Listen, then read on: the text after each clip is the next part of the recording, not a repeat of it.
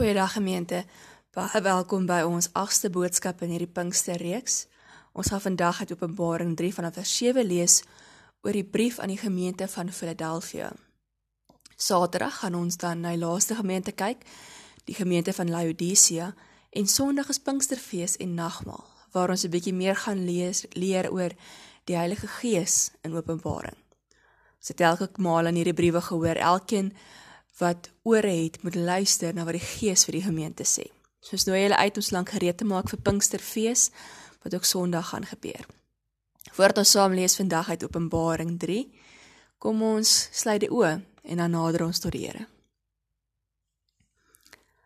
Almagtige Vader, hoe heerlik is dit om as 'n gemeente in U teenwoordigheid te kan wees hierdie week. Here, hoe wonderlik is om te weet dat U steeds met ons werk. Partykeer met harde woorde, harde waarskuwings. Here, maar ons weet ook dis die manier hoe U ook U liefde vir ons wys. Want dit is nie U wil, Here, dat een van ons verlore gaan uit onkunde nie. Daarom op vra ons Heilige Gees dat U waarlik hierdie week se reeks U woorde sal maak. Dat U met elkeen van ons sal praat dit wat ons nodig het om te hoor. Want ons weet Here, ons maak 'n deel uit van hierdie gemeente elkeen 'n lid van hierdie liggaam. En as ons ons deel doen, Here, sal U ook met hierdie gemeente werk. Dankie ook, Here, dat ons ook hierdie week al geleer het dat herlewing begin met enkele persone wat bereid is om gehoorsaam te wees. Help ons Heilige Gees om so gehoorsaam te wees. Dankie dat ons die voorreg het om steeds U woord te kan hoor en te kan aanbid, Here, in vryheid. Ons besef hoe al hoe meer en meer as hierdie gemeentes lees, dit is nie iets wat van selfsprekend kom nie. Dankie daarvoor, Here. Die Here kom groet julle elkeen vanmôre. Genade, barmhartigheid en vrede van God ons almagtige Vader, die een op die troon, en van Jesus Christus, ons oorwinnaar, die koning oor die wêreld, die leeu en die lam, en van die Heilige Gees, wat Gees van God by ons is elke oomblik. Amen. Ons lees saam vandag uit Openbaring 3 vanaf vers 7 tot 13. Skrywe aan die leraar van die gemeente in Philadelphia. So sê hy, die ware God. Hy wat die sleutel van Dawid het, wat die deur oopsluit en niemand sal dit weer toesluit nie, en wat dit toesluit en niemand sal dit weer oopsluit nie. Ek weet alles wat julle doen. Kyk, Ek het 'n deur vir julle oopgesluit en niemand kan dit weer toesluit nie. Ek weet dat julle min krag het en tog het julle aan my boodskap vasgehou en my nie verloon nie. Kyk. Ek beskik dat die van die lede van die sinagoge van die Satan, die mense wat daarop aanspraak maak dat hulle Jode is, maar dit nie is nie, maar lieg. Kyk. Ek sal saak, ek sal maak dat hulle kom en voor julle kom kniel en erken dat ek julle liefhet omdat julle aan die boodskap van my volharding en lyding vasgehou het, sal ek julle ook vashou in die tyd van beproewing wat oor die hele wêreld gaan kom en oor die en om die bewoners van die aarde op die proef te stel. Ek kom gou.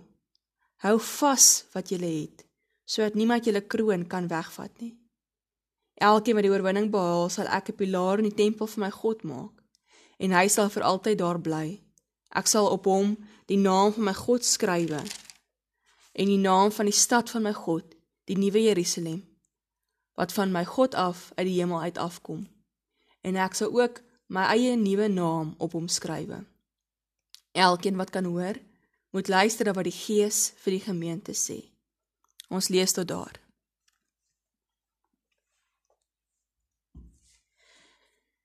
Die stad Philadelphia waarvan ons vanmôre gelees het, is nou nie die Philadelphia wat ons weet in die Wes-Kaap sit nie. Hierdie stad het net so bietjie suidoos van Sardes gelê. Dis 'n stad wat veel jonger en minder bekend is as die meeste ander stede in die briewe waarvan ons lees. Hierdie stad was strategies geleë langs 'n handelsroete en het ook die naam Poort na die Ooste gehad.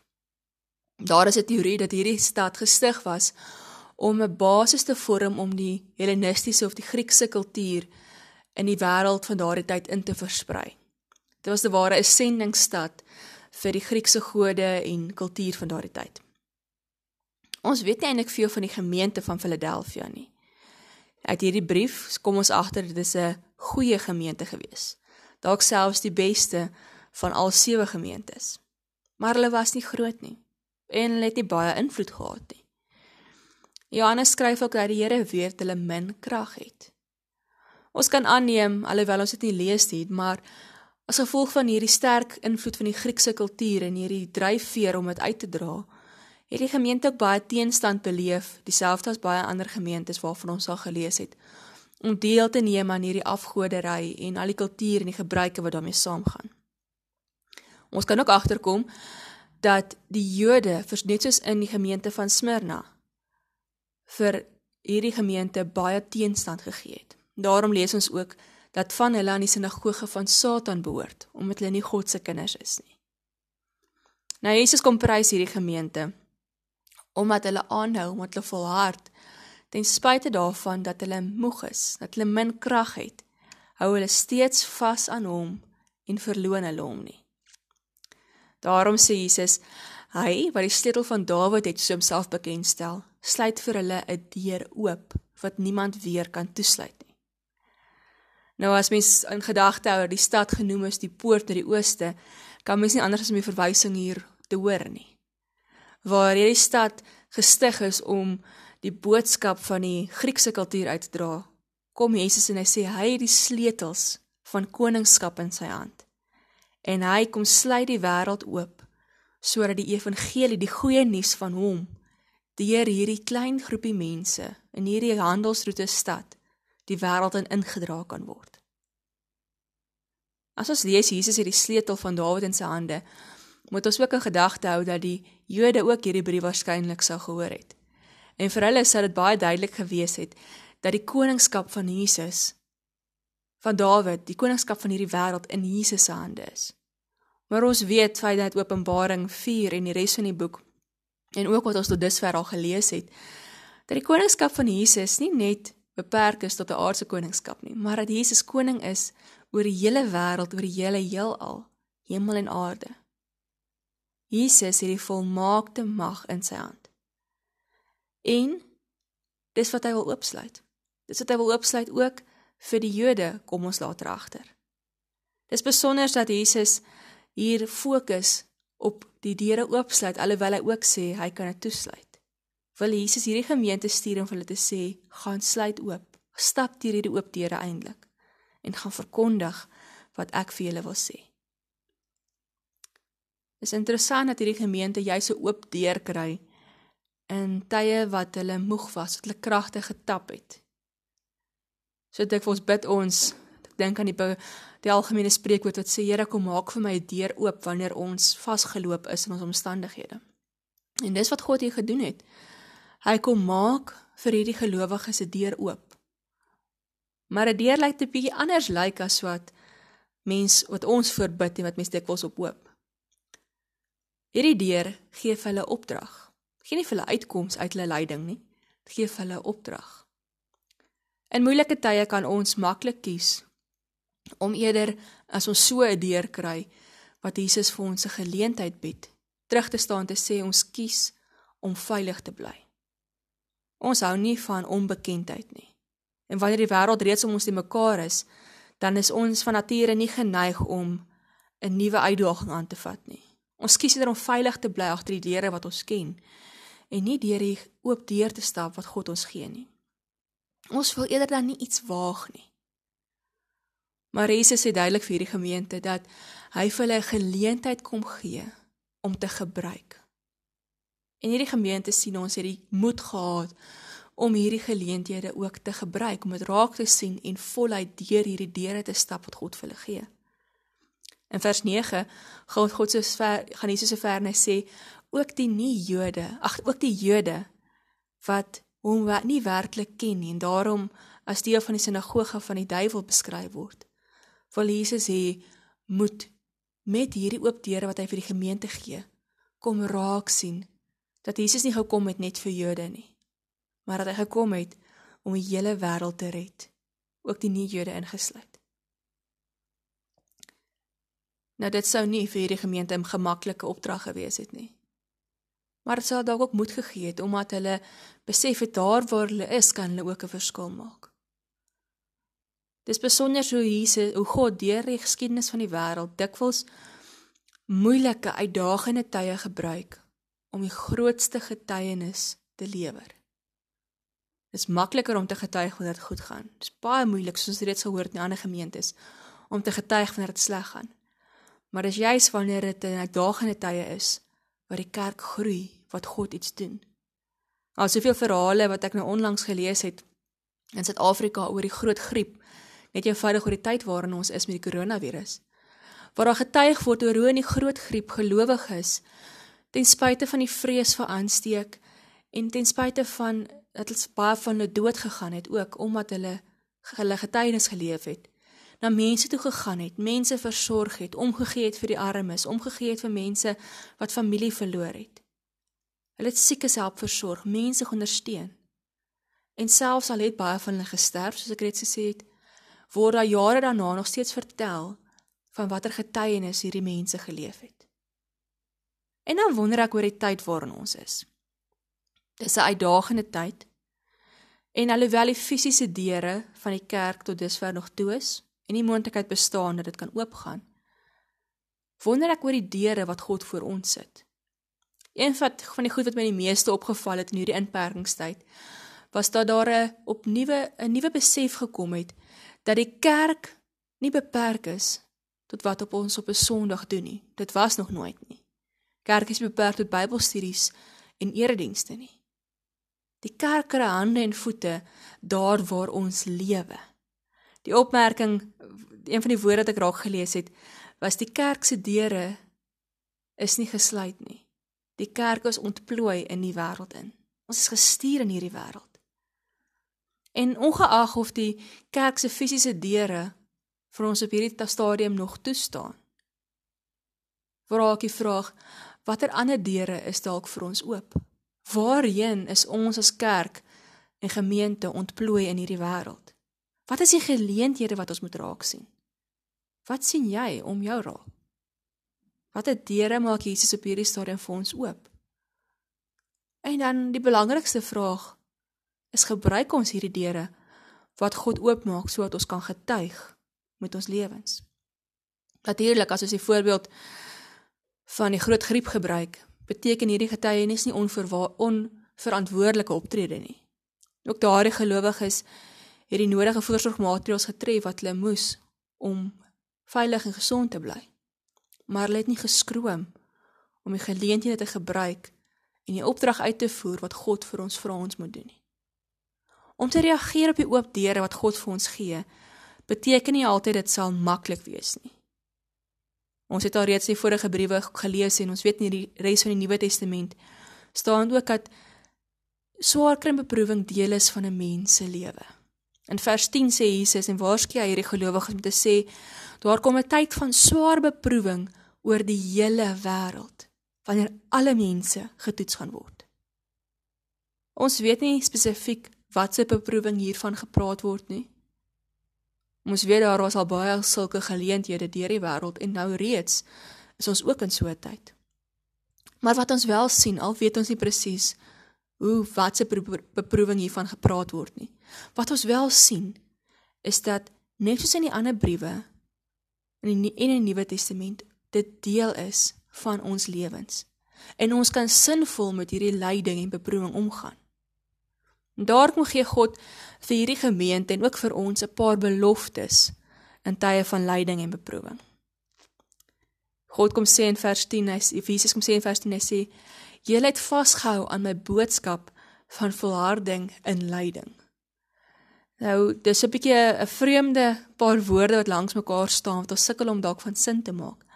Maar wat hiermee bedoel word is dat lyding en swaar kry 'n kern, 'n sentrale plek in die evangelie het. Dis onlosmaaklik deel van die goeie nuus wat Jesus vir ons kom bring het. Jesus self het gelei. Hy het gekies om die lydensbeker te drink want daarsonder sou die goeie nuus ons gered word nie waar gewees het nie. En dit is waaraan ons moet vashou. Dis kern, dis deel van wat ons getuienis is. As ons nie bereid is om swaar te kry nie, kan ons ook nie die goeie nuus altyd uitdra soos wat ons moet nie. Maar God los ons nie alleen nie. En daarom kom beloof Jesus hierdie gelowiges dat hy hulle altyd sal vashou in tye van beproewing. Ons kan weet, soos ons ook vroeër gehoor het, ons gaan nie alleen deur swaar kry nie. Hy is by ons. En net soos vir die gemeente van Smyrna beloof Jesus dat die lyding, hierdie beproewingstyd waarvan hy praat, nie vir ewig sal aanhou nie. Daar 'n tyd sal kom wanneer hy weer kom en wanneer die lyding wat ons beleef ook weer sal weggaan. Beproewing is nie 'n leë, sinlose tyd wat ons moet wegkruip agter bekende deure nie. Dis geleenthede. Oop deure wat God voor ons sit om ons geloof waarlik te toets en uit te leef en te getuig van wie hy is. Hoe hy in lyding mense vashou en bystaan. Op 'n vreemde manier gebruik God ongemaklike en onsekere tye om juis sy boodskap te verkondig. En ons lees hier die belofte aan die gemeente. Mense wat aan vashou aan God se aan God in hierdie tye van swaar kry en beproewing word oorwinnaars genoem. Die oorwinnaars lees ons dat 'n pilaar in die tempel van God wees wat altyd daar sal bly. Nou Philadelphia, die stad Philadelphia was gekenmerk aan kwaai aardbewings. Tot so 'n mate dat die stad 'n paar keer verwoes is, amper verwoes is en weer van voor af moes opgebou word. En vir hierdie mense wat so bekend was met aardbewings sou hierdie beeld van 'n pilaar 'n baie treffende beeld gewees het. As ons gaan kyk na die fotos en die opgrawings wat hulle doen oor die tempels van daardie tye, dan sien ons hoe tempels dikwels platgevee is, maar die pilare van die tempels bly staan het. 'n Pilaar was 'n simbool van standvastigheid. En daarmee saam word Jesus in die begin van die brief bekend gestel as die heilige en die ware God. Dis beelde en benamings wat uitbeeld hoe God staan, hoe hy die enigste een is wat staan. Tussen allerlei allerlei ander gode en magte is hy die standvaste een. So wat die belofte is en wat hier uitgebeeld word, is gelowiges kan 'n simbool word van God se standvastigheid, God se getrouheid in tye van swaar kry. En wanneer dit lyk asof die wêreld soos op 'n aardbewing verkrummel en dit mekaar uitval. En dis nogal vir my iets waar ons kan nadink. Is die manier hoe ons hierdie huidige krisis hanteer, die virus, die ekonomiese uitdagings, die maatskaplike nood, hierdie krisis, is die manier hoe ons dit hanteer 'n simbool en 'n getuienis van hoe God aanhou standvastigheid en en sekerheid bring in 'n wêreld wat onseker is. Leef ons God se versorging en bystand uit in hierdie tyd. Laastens beloof Jesus ook die oorwinnaars dat hulle 'n drie keer 'n nuwe naam gaan kry. Die naam van God, die naam van die nuwe stad Jerusalem en die naam van Jesus self. Die beeld van wie se naam jy dra word in Openbaring 'n paar keer of baie sterk uitgebeeld. Soos so baie keer mense het vra oor die beeld, die naam van die dier wat op jou inge of ja, wat op die merk van die dier wat op jou gaan kom. Maar dit is eers later in die boek. Hier reeds sê Jesus, ons gaan die naam kry van hom, van God self, van Jesus self en van die nuwe Jerusalem. 'n Naam het uitgebeeld aan wie jy behoort. Het uitgebeeld jou identiteit. Dit uitgebeeld ook as uh, aan As ons sê die naam het uitgebeeld aan wie jy behoort, beteken dit ook daardie persoon sou jou beskerm het. Jou familienaam het jou beskerm en die, jou familie die verantwoordelikheid gevat om jou te dra. So wat hierdie beeld van die name vir die gelowiges uitbeeld, is dat God altyd vir ons sal sorg. Dat ons as gelowiges wanneer ons kies om te volhard te midde van lyding, ons reeds sy naam het ons reeds 'n nuwe identiteit het as sy kind en dat ons kan weet dat al wankel hierdie aardse wêreld en al voel dit vir ons of ons nie weet waar om te staan nie ons kan vashou daaraan dat God staan en dat ons eendag in die nuwe Jerusalem ook sal deel hê 'n stad wat nie wankel nie 'n Stad wat nie meer pyn en lyding ken nie en waar God die enigste regerder is.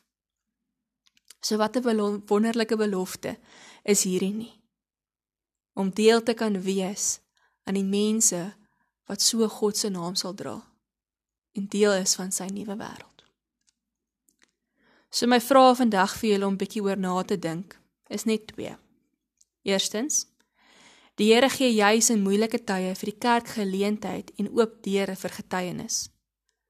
Kan jy dink aan geleenthede wat dalk nou in hierdie tyd by ons verbykom en wat ons dalk nie sien nie? Die tweede vraag is ons maniere oor hoe ons die huidige wêreldkrisis hanteer so sinvol en leef ons so God se liefde en versorging uit dat ons geloof 'n vingerwys is na God. Ek gee vir julle tyd vir stil gebed en daarna gaan ek die seëngroet uitspreek. Kom ons raak stil.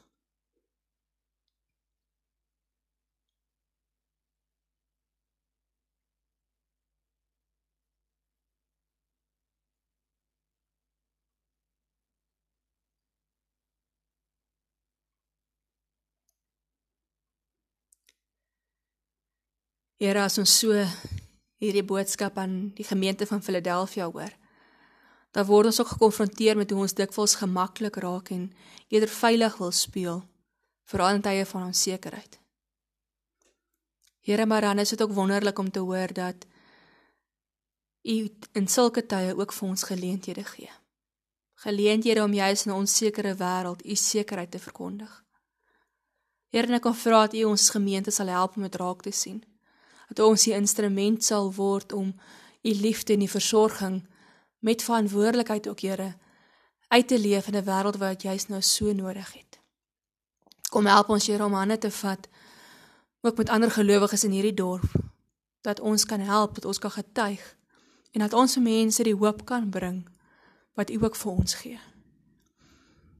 Dankie Here dat U ons vashou in tye van swaar kry en beproewing. Dankie dat ons weet ons sal nooit alleen wees nie. Dankie Here dat ons ook weet dat wat ons nou beleef ook nooit nie vir ewig sal aanhou nie. Want U kom maak alles nuut. Dankie ook Here vir U beloftes. Dat ons kan deel wees van U kinders. Help ons Here om waarlik so getrou te getuig en waarlik die naam te dra van U, 'n naam wat U sal trots maak om te sê hierdie is my kind. Die Here kom groet julle elkeen. Mag die genade van ons Here Jesus Christus, ons koning van konings, by julle wees.